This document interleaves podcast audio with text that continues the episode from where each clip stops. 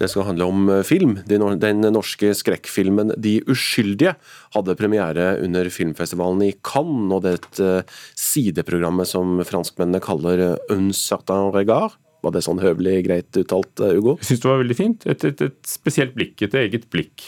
Mange takk. Du må passe på, iallfall du som hører på, for denne reportasjen inneholder noen såkalte spoilere. I går hadde filmen norsk premiere. Den åpnet filmfestivalen i Haugesund. Og De uskyldige er så rå at de fire barna som har hovedrollene, ikke får lov til å se den ferdige filmen.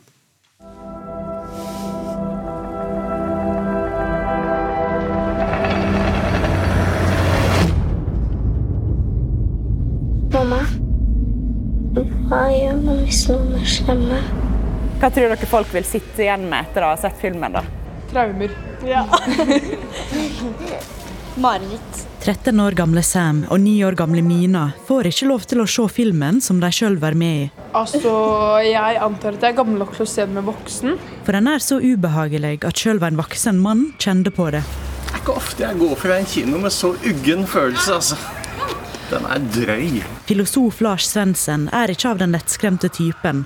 Han har nemlig skrevet bok om ondskap. Den går gjennom marg og bein. Det er en film som utspiller seg i barns verden. Og barns verden er jo en litt sånn magisk verden hvor skillet mellom det naturlige og det overnaturlige ikke er like klart som i, i voksenverdenen. Og det som skjer i filmen, er jo da at dette overnaturlige det, det blir virkelig. Det drypper blod fra panna til ei av mødrene i filmen. Mamma, du blør. Du blør her. Den heter jo De uskyldige, og vi liker jo å tenke på barn som de uskyldige. Samtidig så vet vi jo at barn kan gjøre helt forferdelige ting. Noe som også skjer i, i denne filmen.